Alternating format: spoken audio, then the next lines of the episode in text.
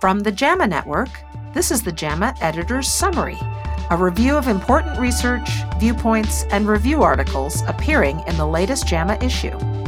I'm Dr. Kirsten Bibbins Domingo, Editor in Chief of JAMA, and I hope you find this week's issue beneficial. Here's your host, Dr. Kristin Walter.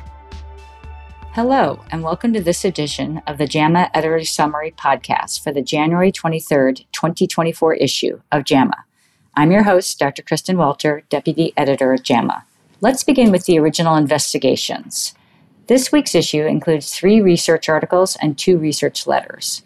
The first research article by Dr. Thornburg and colleagues is titled Anxiety and Depression Symptoms After the Dobbs Abortion Decision. This retrospective analysis examined changes in symptoms of anxiety and depression following the June 2022 U.S. Supreme Court ruling in the Dobbs v. Jackson Women's Health Organization that abolished the federal right to abortion and triggered abortion bans in some U.S. states. Using data from a nationally representative survey, investigators compared anxiety and depression symptoms in residents of 13 states with trigger laws to ban abortions versus the 37 states without trigger laws. Among the 718,753 survey respondents after Dobbs, residents of trigger states had a small but statistically greater increase in anxiety and depression symptoms, as measured by the Patient Health Questionnaire 4, PHQ 4, versus non trigger states. Moreover, females of reproductive age who lived in trigger states had a significantly greater increase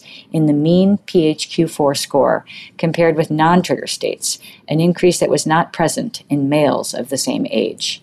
Dr. Julia Steinberg has an accompanying editorial titled Mental Health Symptoms When Abortion Access is Restricted. This editorial highlights the emerging evidence that removing reproductive autonomy may increase symptoms of anxiety and depression, particularly in females of reproductive age, and suggests these findings should inform the U.S. Supreme Court as it hears other cases about abortion law. In an accompanying JAMA author interview podcast, JAMA Associate Editor Dr. Donald Goff discusses this topic further with editorial author Dr. Julia Steinberg from the University of Maryland. The second research article by Dr. Al Awamlh and colleagues is titled Functional Outcomes After Localized Prostate Cancer Treatment. This observational study of U.S. registry data compared rates of adverse functional outcomes between specific treatments for localized prostate cancer. Among 2,445 people treated for localized prostate cancer, patients with a favorable prognosis were treated with radical prostatectomy, external beam radiotherapy, brachytherapy, or active surveillance, and those with an unfavorable prognosis were treated with radical prostatectomy or external beam radiotherapy with androgen deprivation therapy. Rates of patient reported adverse sexual, urinary, bowel, and hormone outcomes were measured with a 26 item expanded prostate cancer index composite score. At 10 years follow up, among 1,877 patients who had a favorable prognosis, treatment with radical prostatectomy compared with active surveillance was associated with worse urinary incontinence, but not worse sexual function. Among 568 patients who had an unfavorable prognosis, radical prostatectomy was associated with worse urinary incontinence, but not worse sexual function when compared with external beam radiotherapy with androgen deprivation therapy. However, external beam radiotherapy with androgen deprivation therapy was associated with worse bowel function and hormone function. The third research article by Dr. Wang and colleagues is titled Cancer Diagnosis After Recent Weight Loss. This prospective cohort study examined the one year risk of cancer diagnosis in health professionals who experienced weight loss during the prior two years. The more than 157,000 participants included males and females aged 40 and older from the Nurses' Health Study and the Health Professionals Follow Up Study. At an average of 28 years of follow up, recent weight loss of greater than 10% of body weight was associated with significantly higher rate of cancer during the next 12 months compared with those without recent weight loss. The between group difference was 493 cases per 100,000 person years. Cancer of the upper GI tract, including esophagus, stomach, liver, biliary tract, or pancreas, was particularly common among participants with recent weight loss.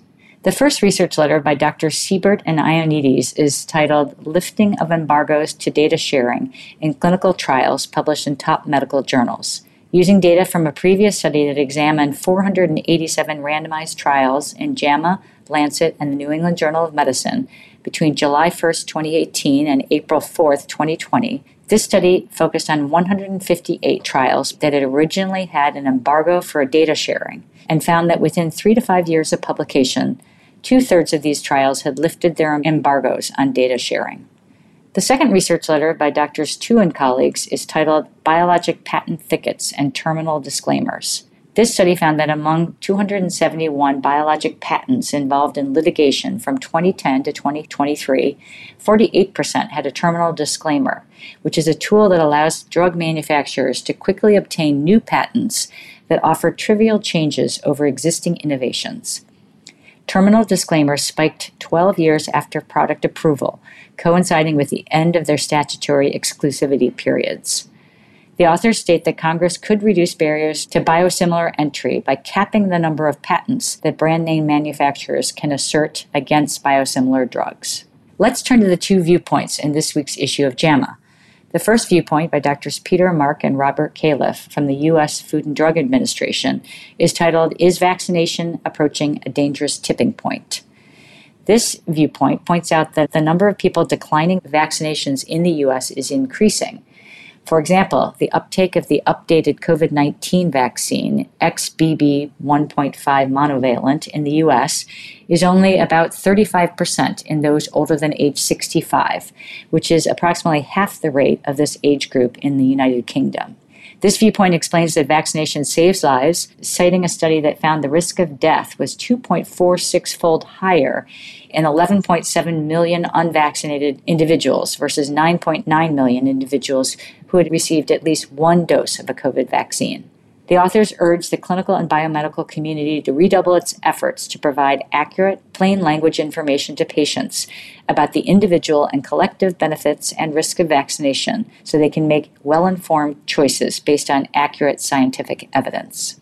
The second viewpoint by Drs. Miguel Hernan and Sander Greenland is titled Why Stating Hypotheses in Grant Applications is Unnecessary. This viewpoint argues against the hypothesis centric approach of research and proposes that grant applications should instead be evaluated by their relevance and methodological quality rather than by qualitative assertions about explicitly stated hypothesis before the study has been conducted. This week's clinical review and education section includes the 2023 U.S. Preventive Services Task Force recommendation statement on screening for speech and language delay in children. This was informed by the systematic review of published evidence by Dr. Feltner and colleagues.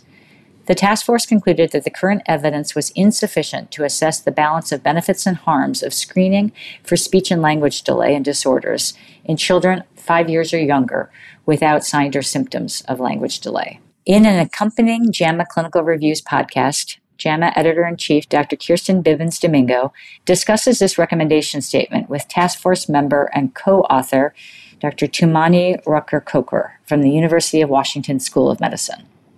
Dr. Speights and colleagues have an accompanying editorial to the U.S. Preventive Service Task Force recommendation titled Recommendations for Speech and Language Screenings Lack of Evidence Should Not Endorse Lack of Action. This editorial points out that the USPSTF recommendation does not apply to children whose parents or primary care clinicians are concerned about a child's speech and language development.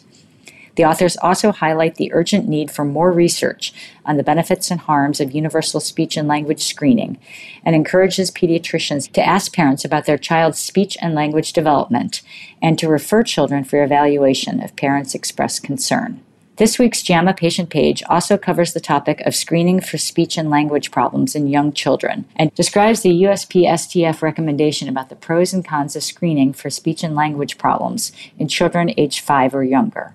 Dr. Altenberg and colleagues have a JAMA clinical guideline synopsis that summarizes the 2022 American College of Cardiology and American Heart Association guideline for the diagnosis and management of aortic disease. This synopsis mainly focuses on recommendations for aneurysms that involve the aortic root and or the ascending aorta. This week's issue features two medical news articles. The first news article by Melissa Suran and Yulin Hswen is titled How to Navigate the Pitfalls of AI Hype in Healthcare. In this interview, JAMA editor in chief Dr. Kirsten Bibbins Domingo and Dr. Arvind Narayanan, professor of computer science at Princeton University, discuss the potential benefits and risks of using artificial intelligence in research and clinical settings. The full interview is available in podcast and video formats. The second medical news article in this issue is by Howard Larkin and is titled What to Know About Prevent, the AHA's new cardiovascular disease risk calculator. This article discusses the American Heart Association's new cardiovascular risk calculator called Prevent, which went online this month. The new calculator is based on newer data from a larger, more diverse sample set than the existing tool that was released back in 2013. Thank you for listening to this summary of the January 23, 2024 issue of JAMA. This is JAMA Deputy Editor Dr. Kristin Walter.